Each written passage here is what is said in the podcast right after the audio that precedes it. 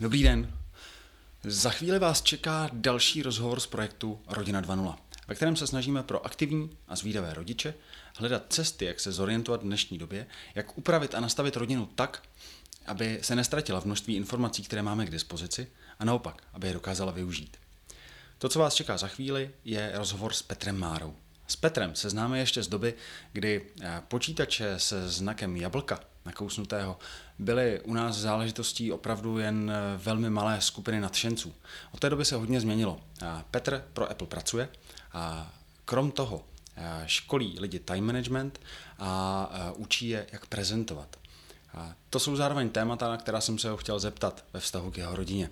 A jak jeho nadšení pro technologie se promítá do jeho rodiny, a kolik času tráví jeho děti u eh, tabletů, eh, chytrých telefonů a podobných technologií a jak se dívá na vzdělávání v dnešní době a samotné učení a výchovu. Užijte si to. Ahoj Petře. Ahoj Honzo. My se známe už nějakou dobu a, a hm, já tak jako tuším, co ty děláš, ale úplně na začátek se zeptám v takový tý jako výtahový konverzaci nebo prostě na uh, party po představení mm-hmm. hodinek, když se tě někdo zeptá, Petře, co ty vlastně děláš, tak co říkáš? OK, uh, co dělám já dneska nejvíc, vlastně školím, prezentuju pro Apple, uh, primárně na konferencích, které jsou zaměřené na nasazení iPadu do vzdělávání, do biznisu a do speciálního školství. Čili tam vystupuji jako speaker, řečník, zároveň tam pomáhám lidem, kteří mají vystoupit, abych jim pomohl s jejich prezentací, s tím, jak mají vystupovat. A v podstatě je to práce, která obnáší region Evropa, Jižní Afrika, Ázie, Blízký východ, Indie. Čili to je tak jako můj region, kde se primárně pohybuju, tak jako 50% mý práce. Um, ty hodně cestuješ. Mm-hmm. A ty jsi někdy na konci roku na Instagramu dával nějaký jako hrozně vysoký dával, no. z těch ulítaných mil. A a zároveň máš dvě děti, což ano. je vlastně hlavní téma toho, o čem si budeme mm-hmm. povídat. Mhm. A jak se to tvoje cestování a ty nalítané míle promítají do uh, rodičovství? Aha. Jak, jak moc seš tady? Uh, já jsem, uh, to počítám, to, že jsem minulý rok byl asi 130 dnů mimo, jo, což je relativně hodně. Čili pokud děláš takové práce a chceš dělat dobře, tak ti přeženovat nějaký čas, ale přesně zároveň máš rodinu, děti. A já mám vlastně taky jako vnitřní pravidlo, že pokud eh, jsem v Praze, tak jsem prostě s rodinou. Což znamená, že takový ten sociální život, kdy večer jdeš s kamarádama na pivo, u mě moc prostě neexistuje. Prostě večer jsem doma, snažím se pomoct. Víkendy jsem doma, pokud zrovna jakoby mi do toho nespadne práce, což není moc často. Takže jakoby musel jsem si vybrat.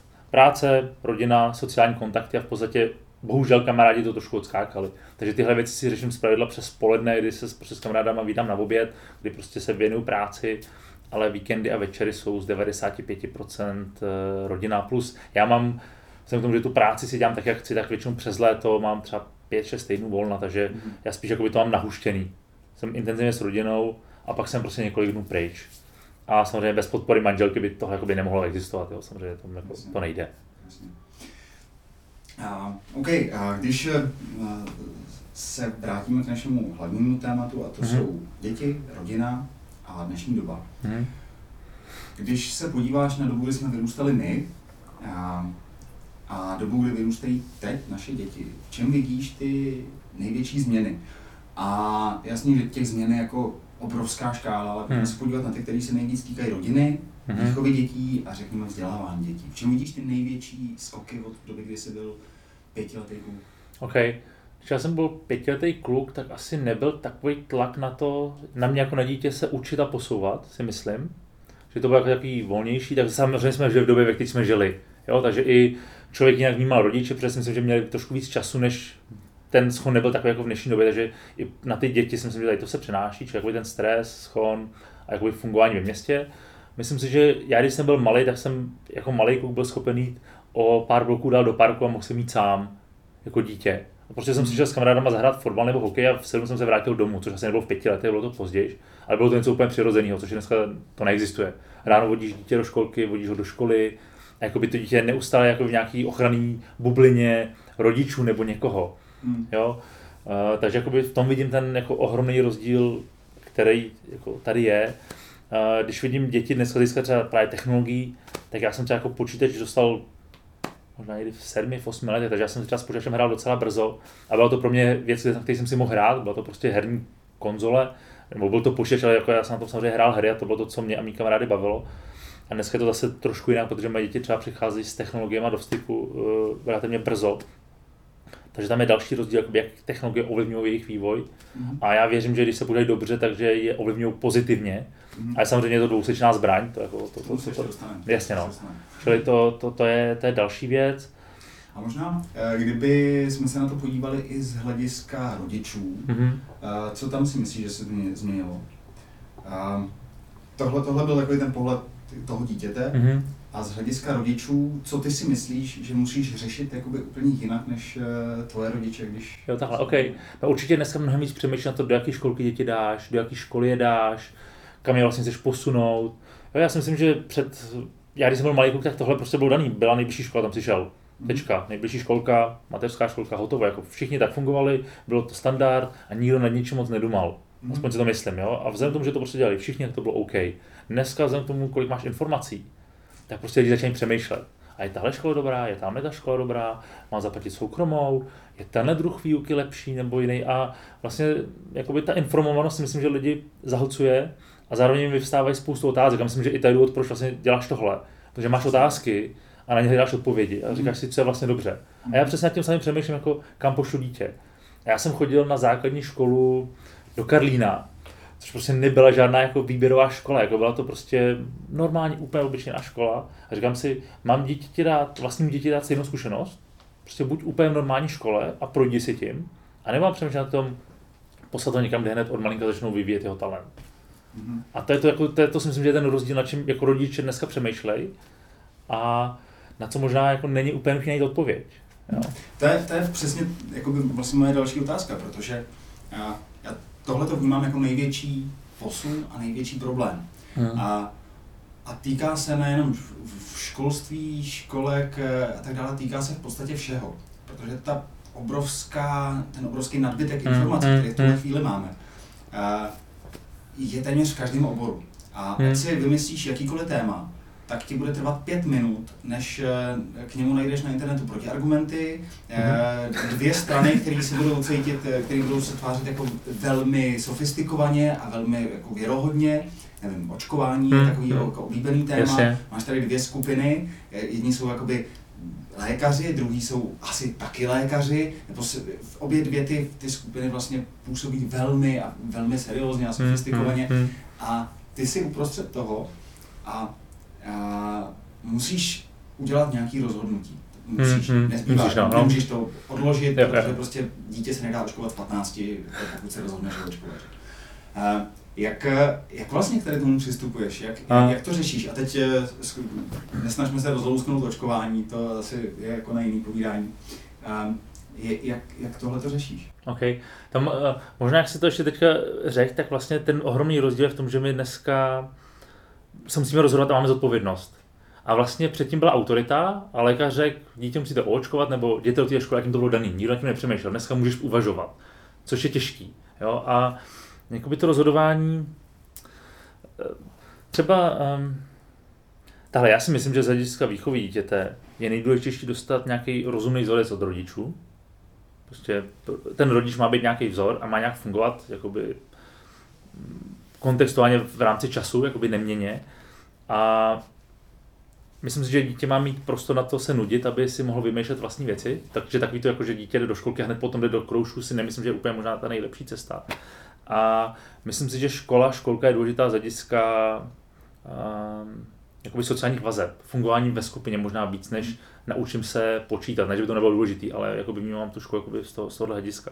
A co se týče jakoby rozhodování, nad tím, co je dobře nebo špatně. Já se o tom bavím s Evou, se ženou, že? protože jsme rodiče a prostě diskutujeme nad tím. A u řady větší, věcí prostě v tom závěru já fakt nevím. A možná je to vlastně jedno. A teď to může znít jako blbě, jo? ale jako pokud máš dvě varianty, obě dvě ti připadají v pořádku a nevíš, která je lepší, hmm. tak se prostě nemůžeš dobře rozhodnout. To zjistíš za 20 let, jestli jsi to udělal dobře nebo ne a uvidíš. Jo, jako, já fakt nevím, protože říkám, tak si prostě hodíme korunou. Hmm. Protože ani jeden z těch argumentů mi nepřijde špatný, ani jeden mi nepřijde dobrý. Takže pak jako do toho za... Přesně řešíme škola. mimo synovi 4,5 roku, za chvíli budeme se nastoupit do školy. Tak jako věci, které jsem udělal. Zeptal jsem, zjistil jsem se, že, tomu, že znám komunitu učitelů, zjišťuju, kde jsou dobrý učitele v normální škole v okolí. Protože z mého pohledu člo, učitel, který dokáže natchnout, je ten učitel, který, který prostě tomu dítě může posunout se někam dál. A pokud projde za standardní školou, tak pravděpodobně bude mít určitý návyk na to, aby pak mohl jít na vysokou školu, na střední a prostě věděl, jak ten systém funguje. Přestože ten systém vlastně si nemyslím, že je úplně OK. Mm-hmm. Jakoby, ale prostě je to standard. Jo, prostě, ale víš, že to dítě projde a když si zachová určitě jako vlastní přístup k věcem, kritické myšlení, tak na konci z toho vyjde jakoby normální člověk, podívá se na to nějak kriticky, pochopí, jak ta hra byla a jde dál životem. Jo? Mm. A nebo si řekneš, ne, jdeme úplně jiným principem, spojený třídy, děti mezi 6 a 10 lety, prostě pracují společně na nějakých projektech a tak dále. A vlastně připravuješ něco, co budou pravděpodobně dělat. Ale víš, že když to dítě z toho systému vypadne po třech letech, tak má veliký problém se dostat do toho standardního systému. Mm. A jako říct ti, co je dobře, já fakt nevím. Já prostě přemýšlím tím, jak daleko bude škola alternativní ode mě, kolik mě bude stát, kolik bude stát času, aby jsme tam jezdili. Protože na druhou stranu zase nechci, aby jsme trávili dvě hodiny denně autem tím, že dováží dítě do školy. Jaký ti to přinese benefit, jo? Mm. Čili jakoby dávám dohromady všechny tyhle otázky a jakoby to, co zvažujeme teďka nejvíc, je to, že ČVUT tady otevírá školu, vlastně vlastní jakoby základní a střední. A vzhledem tomu, že já i manželka jsme jakoby technický typy a, a vypadá to, že, že Mikuláš je podobný, tak možná přemýšlím, že ho prostě dáme do, do téhle školy, aby jsme viděli, jestli to funguje nebo ne. Hmm. Ale jako já jsem... jako, máš ty řešení? Na, na co ty jsi přišel? A já to řeším tuhle chvíli úplně stejně. A tady to je, tenhle projekt jako jeden eh, z řešitelů no. tady toho mého problému, ale hlavně snažím se mm, rozlížet eh, po okolí, hmm a jaký tam jsou školy, jaký tam jsou mm, učitelé, to je přesně to, co mm, říkáš ty. Zároveň uh, řeším, i když si nemyslím, že máme jakoby rodinný nastavení na to, abychom řešili domácí vzdělávání, tak zkouším to zkoumat, mm. Jako vlastně kudy tam ta cesta vede, mm. a co je k tomu potřeba a ono se to dá jakoby využít, uh, že nemusíš nutně to dítě jakoby vyndat ze školy, a, mm. ale můžeš použít ty principy prostě na normální běžný život. Mm tak vlastně zkoumám možnosti. Já mám na to rok a půl, mám na to rok a hmm, půl hmm, hmm. a, a nevím. Hmm. Já, ale zároveň jako úplně bytostně souhlasím s tím, co jsi říkal, že pokud ta varianta není principiálně jako špatná, hmm. tak uh, ve svém životě děláme permanentně rozhodnutí, které jsou nevratné hmm. a, a prostě je děláme neexistuje možnost vrátit se jako prostě o tři roky zpátky a udělat něco jinak, už to je jedno. Takže jakoby každý to rozhodnutí, tady je prostě vždycky jenom hrozný problém, že když děláš rozhodnutí sám za sebe a pro sebe, tak si řekneš, no tak jako jestli teďka udělám blbost, tak prostě jsem udělal blbost a nějak se s tím srovnám. No. Ale tady máš pocit, že jako vlastně formuješ další bytost, která se od tebe hmm. v nějaký fázi oddělí, ale bude si níst ty stigmata, který jsi tam nasázel ty, že? Uh já jsem někde čet, nebo někdo říkal, nebo asi, asi to úplně známý, že největší tíhu jako lidi si neseme to, co nám způsobí rodiče. Že a v podstatě jo, jako to, co děláme dobře, je OK, ale jak uděláš něco špatně, tak se ti to může vrátit. Jo? A myslím si, že naše rodiče na nás udělali chyby a my je uděláme na svých dětech. Jo? Přestože vlastně chceme pro ně to nejlepší. Jo? Na druhou stranu, já vlastně, jako to, co jsi říkal, pokud najdu v okolí dobrou školu, která bude na běžném systému postavená, ale bude tam nějaký, nějaká vize, budou tam dobrý učitelé, tak mi to přijde absolutně OK. Hmm. Protože věřím, že Prostě to, co se jako naše děti musí naučit, je adaptace na změnu prostředí. To je to, co za 20 let budou říct nejvíc. Nebo tahle škola nás má připravit na to, co bude za 15-20 let. Což bude tak rozdílný oproti dnešku, že vlastně to ani nejde. Mm. Jo, proto třeba věřím na sadení technologií do škol, protože za, pokud jako se to naučíš dneska, tak prostě budeš mít velký problém.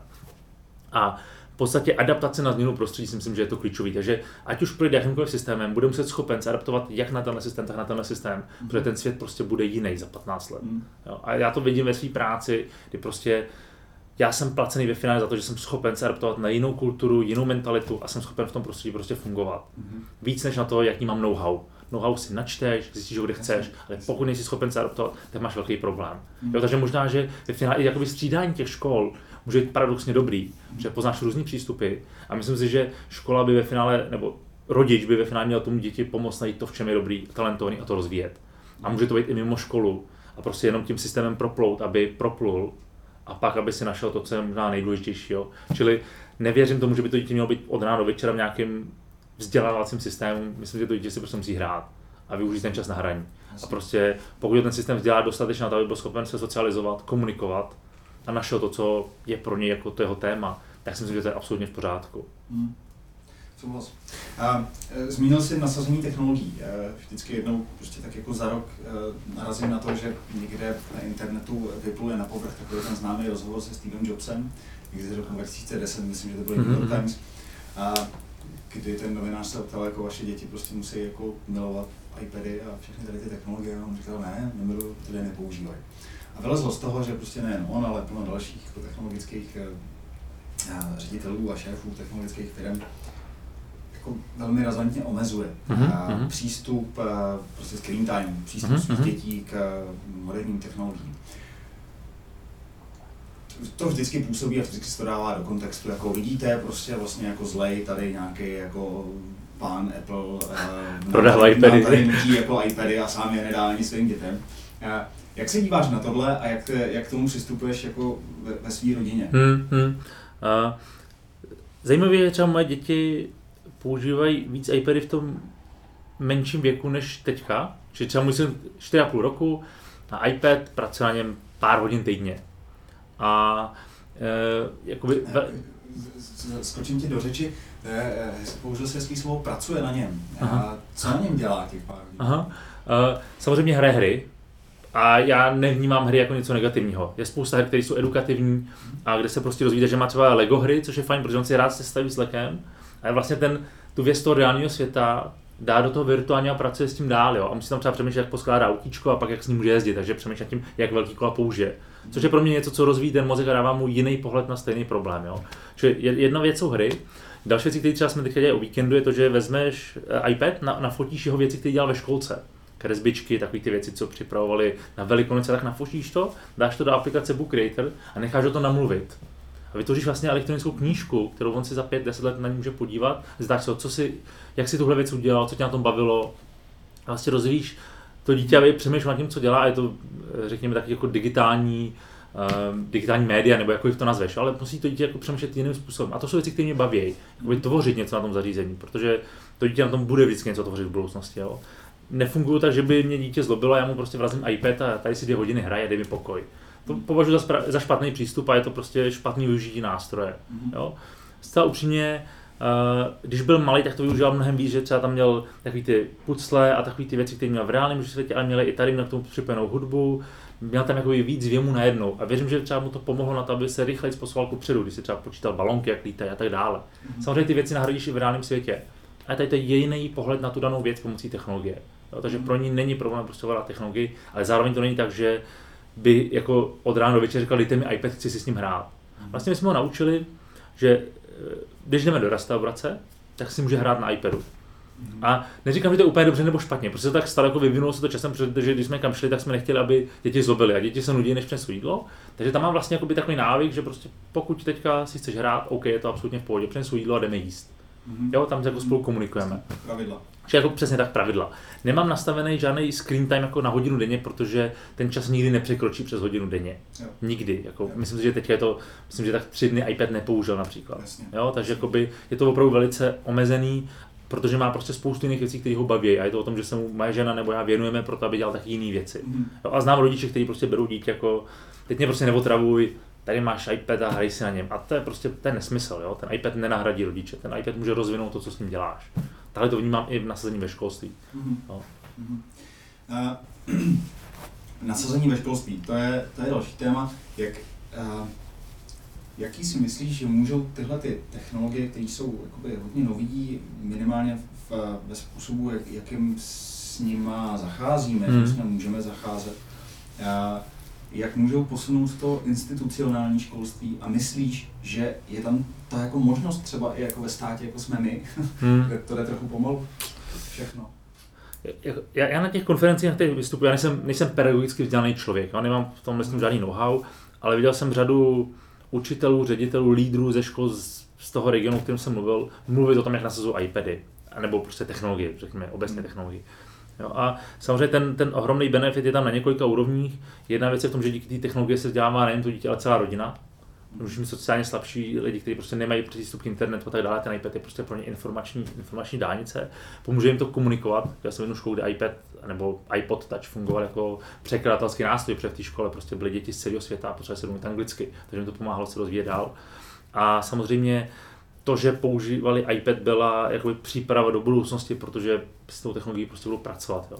Čili uh, hlavně severský země, je to, tam je v podstatě dnes, dneska něco jako úplně běžný. Jo. Tam jako mm-hmm. iPad ve školství jim přijde jako, no a co, to přece je normální. Prostě připravujeme děti na to, že v takovém světě budou existovat. Mm-hmm. Proč bychom to měli zakazovat? Jo? Mm-hmm. Což je zase paradox jinde, kde dítě s tou technologií umí pracovat, pracuje s ní, pokud, bude, pokud bude 12, tak prostě umíš pracovat s mobilním telefonem, s iPadem, s počítačem.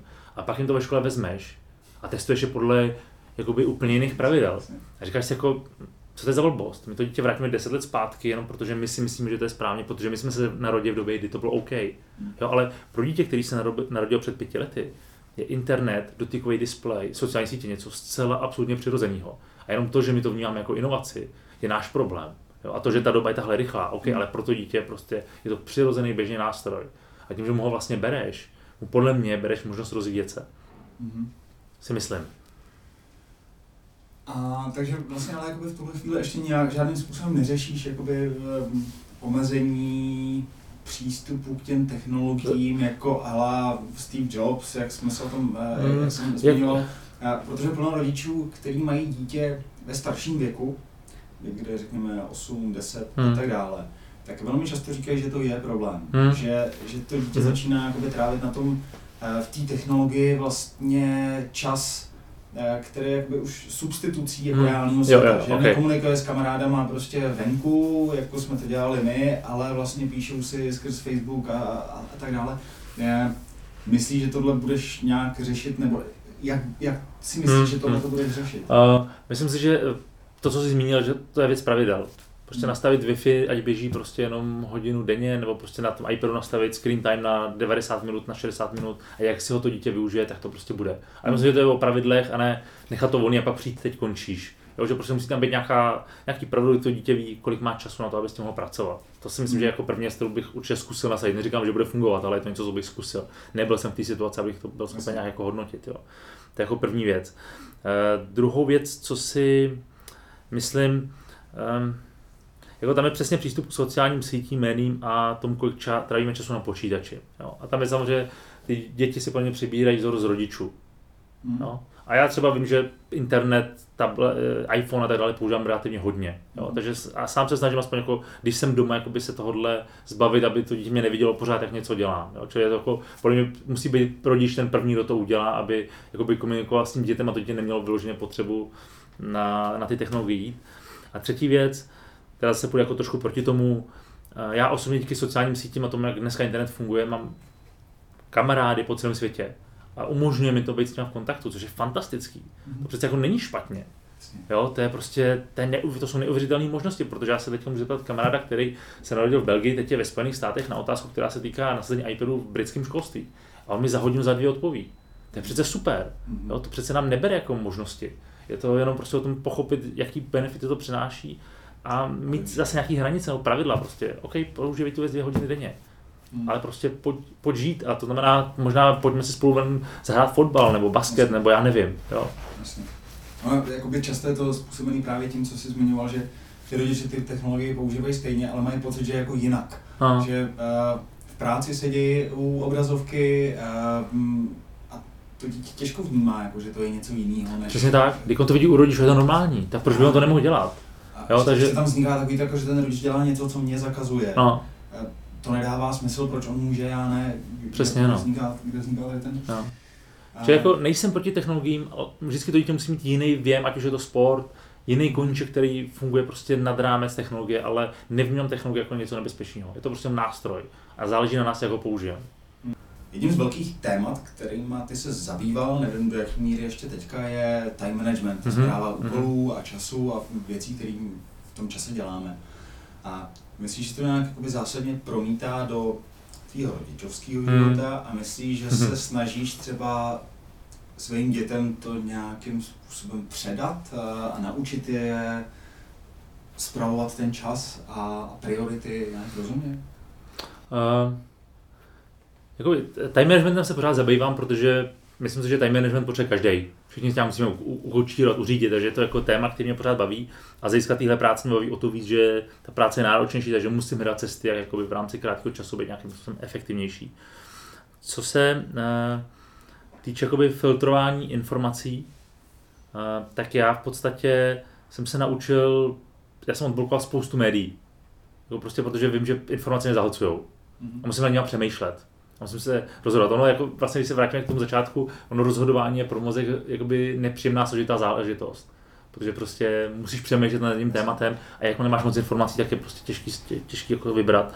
A jakoby v tuhle chvíli uh, já se snažím, jako hodně používám třeba Twitter nebo takové média, kde hledám chytrý lidi, kterým věřím a zajímají mě jejich názory, než řekněme obecný článek na jakékoliv médiu, protože to je prostě v dnešní době prostě přebraný prefabrikát od někud, jenom napsaný článek, tahle to je nebezpečí očkování, tahle to je očkování v pořádku. Spíš jako se snažím číst nějaké logické závěry a když třeba vezmeš očkování, tak prostě víš, že očkování může být problematický, vznikají na to i fondy, které v podstatě lidem, který, nebo jejich děti, kteří byli očkovaní, mají nějaký problém, nějakým způsobem vyplácí peníze, takže je to věc, která je známá, mm-hmm. prostě je tam nějaký problém a je to jenom loterie prostě v tom smyslu, když se nenaočkuješ, můžeš mít problém, když se naočkuješ, můžeš mít taky problém. Pravděpodobně, když se naočkuješ, budeš na tom líp. Pravděpodobně. Ta, ta, ta, ta pravděpodobnost je tam asi na, na té vascemich, uh, tý misce vach, že prostě 97% teď plácám, budeš OK. Když se nenaočkuješ, tak můžeš mít 1%, kdy budeš jako mít nějaký problém. No a teď jako to vybalancuj. A je to prostě ta loterie. A ani, ani jedna věc by není vyloženě špatně nebo dobře. Jo. A jakoby, co se týče, teď jsem možná jakoby přestoupil jakoby k, tomu, k tomu očkování, protože to je přesně téma, jako který, který jako řeším, jo. A nebo jsme ho řešili a my jsme třeba uh, paradoxně se dostali do situace, kdy pravděpodobně očkování ovlivnilo naše dítě. Jo, protože my máme uh, naše, na, naše druhé dítě, Matilda, půl roku, je v podstatě situaci, kdy je částečně opožděná. Mm-hmm. Jo, čili nějak jako několik měsíců pozadu. A teď to řešíš s neurologama, dneska genetiky a první otázka, na kterou se tě zeptá, je, je očkovaná? Mm-hmm. Takže ty najednou jako víš, že si možná udělal špatně, že jsi tě naočkoval. A je to věc, jako nemůžeš vzít jako nikdy zpátky. A možná, že to tím, s tím vůbec nesouvisí. Jasně, jo? Jasně. Prostě nevíš, je tam někde nějaký problém, může to být genetika, může to být úplně může to být porod, nevíš. Ale je zajímavý, že na první věc, na to se tě jako zpravda ty lékaři zeptají, byla očkovaná a na co. Mm-hmm. Jo? Čili jako víš, že tam prostě promilé procento je jako potenciální problém. Jo? Mm-hmm. A prostě už tu volbu jako nikdy nevezmeš zpátky, prostě si někdy ve třech měsících, ve čtyřech udělal, protože to je normální. A prostě zrovna ty si vytáhl toho černého Petra, který to možná ovlivnil. Jo? A jakoby zase se to vrací k těm informacím, ve finále je to prostě loterie. Mm. Mm. Ať se rozhodneš jakkoliv, tak vlastně nevíš, jestli uděláš dobře nebo špatně. Jsou to dvě strany a je to prostě procentuální záležitost, je to pravděpodobnost, je to statistika. Prostě jak to dopadne, no. Jasně. No, čili jako pak nemůžeš si jako vyčítat, že jsi tu volbu udělal, protože prostě v tu chvíli si jednal v tom nejlepším zájmu mm. toho dítěte, jo, jenom to prostě nemuselo být. Poslední dvě otázky. Ono totiž u tady toho mám pocit, že je velký problém že místo toho, že, že to celý sklouzává ten problém do jakoby toho, kdy na sebe jako dvě skupiny křičejí hmm. a už jakoby se neřeší uprostřed, jako kde může být problém hmm. a jestli hmm. je možný ho nějak řešit. Hmm. Ale dělají se demonstrace, na kterých hmm. se prostě jako hmm. křičí, jako neberte nám naše hmm. děti, hmm. už nějaký úplně jako odvozeniny tematický. A, a, a řekněme, knížky nebo zdroje, které eh, nejvíc ovlivnily tvůj pohled na rodičovství a rodičování? Co by to bylo? Knížky? Já jsem četl několik knížek o vzdělávání, už tak jako alter, nebo o výchově takových alternativních, nebo, nebo prostě taková ta klasická jakoby takový ty klasické knížky, kdy máš dítě přebalovat a tak dále. A nebyly to vložené o výchově, bylo, bylo tam popsáno, co dělat, když dítě se dostane do takového klasického amoku, který děti občas mývají a tak. Ale vlastně nemám jakoby žádný jako recept, který, který by fungoval. Já si myslím, že jako výchova to je založená na rodině, na tom, že ty rodiče jsou nějaký vzor, definují nějaký pravidla, které dodržují a v podstatě jako dávají tomu děti jako prostor na to, jako být samo sebou. Já nevím, nemám na to jako, mhm. tady to je ten správný směr, kterým by to dítě mělo jít. Já si myslím, že jediný, nebo jediný, že nejdůležitější je prostě, aby to dítě bylo v pohodě, protože má OK zázemí. Když má OK zázemí, tak je schopný se rozvíjet a jakoby hledat si to, co ho zajímá. No. Asi, já se asi víc orientuji na to, aby prostě to dítě mělo prostor najít to, co ho baví. Protože v tom se prostě může rozvíjet. A z mýho pohledu, to ještě jako zmíním, čemu věřím, je, že je dobrý si položit otázku, co je cílem výchovy. No, jako, když to stáhnu tomu time managementu, že? Jako, co je cílem výchovy mého syna? Já si myslím, že cílem je z něj udělat člověka, který je schopen se o sebe postarat a jenom se postarat o svou rodinu. Což vyžaduje to, že je občas vystavený i nepříjemným situacím, ve kterých musí obstát, že za něj neřeším všechny problémy, které se mu můžou projevit a že ho vyloženě nerozmazluju. Před, jakoby nechci mu dát do mozku vzorec, když máš problém, rodiče to vyřešej. Prostě mu tam nechci dát. A věřím, že s výchovou souvisejí hezké věci i nepříjemné věci, protože tam prostě musí být. To je prostě nějaký kód, který si zaneseme v dětství a pomocí se učíme. Takže proto já třeba si nemyslím, že to, že jsem chodil do neúplně nejlepší školy, byl problém. Já jsem, že mi to dalo hrozně moc věcí. Protože jsem neměl jednoduchou situaci a musel jsem ní obstát. Mhm. Když dítě pošleš do výběrové školy, všechno dostane na, na, na podnose, tak mu už definuje život, jakým bude jednou fungovat. A když to z života vypadne, z tohohle světa, z té bubliny, tak může mít ohromný problém. Hmm. Jo? Čili já si myslím, že jako vlastní zkušenost a jakoby projít si i těžkýma věcmi je hrozně důležitý. A možná to je něco, jako co chci předat. Jo? Aspoň v kombinaci s tím hezkým. Hmm. A celou dobu se bavíme o tom, jak eh, nastavit tu rodinu, jak eh, se chovat k dětem, tak aby hmm. jsme co nejlíp posunuli, jak je očkovat, neočkovat, jak, eh, jak jim dávat a nedávat jakoby pomocí technologií nějaký signály a impulzy.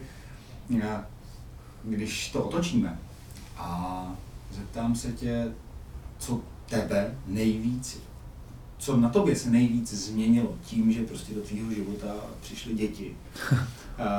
co to je? Tak určitě takový ten strach, protože od dětí máš jako pořád tak trochu strach, že jo? Čili jakoby mm. ta jedna úroveň, myslím si, že mámy to mají určitě víc než tátové, ale prostě pořád tam cítíš. Je to určitě mnohem větší zodpovědnost za rodinu. Předtím to bylo víc o mě. Pokud s někým žiješ, tak pořád jako každý máte svůj vlastní život a trošku za ní zodpovídáte. Teď eh, Eva je doma, pracuje částečně, máme dvě děti, čili na mě ta zodpovědnost tu rodinu uživit, dát jim jako nějaký nějaký prostředí, ve kterém jsou OK, já se o ně postarám a to vnímám jakoby roli, roli oce, jo? takže jakoby to je něco, čeho se jako chci zhostit. A asi ta, ta třetí rovina je to, co jsi zmiňoval, a to je to prostě neustálý rozhodování za zodpovědnost za vlastní dítě. A prostě brát na sebe tu, hmm. ty rizika, které tam jsou a jsou tam.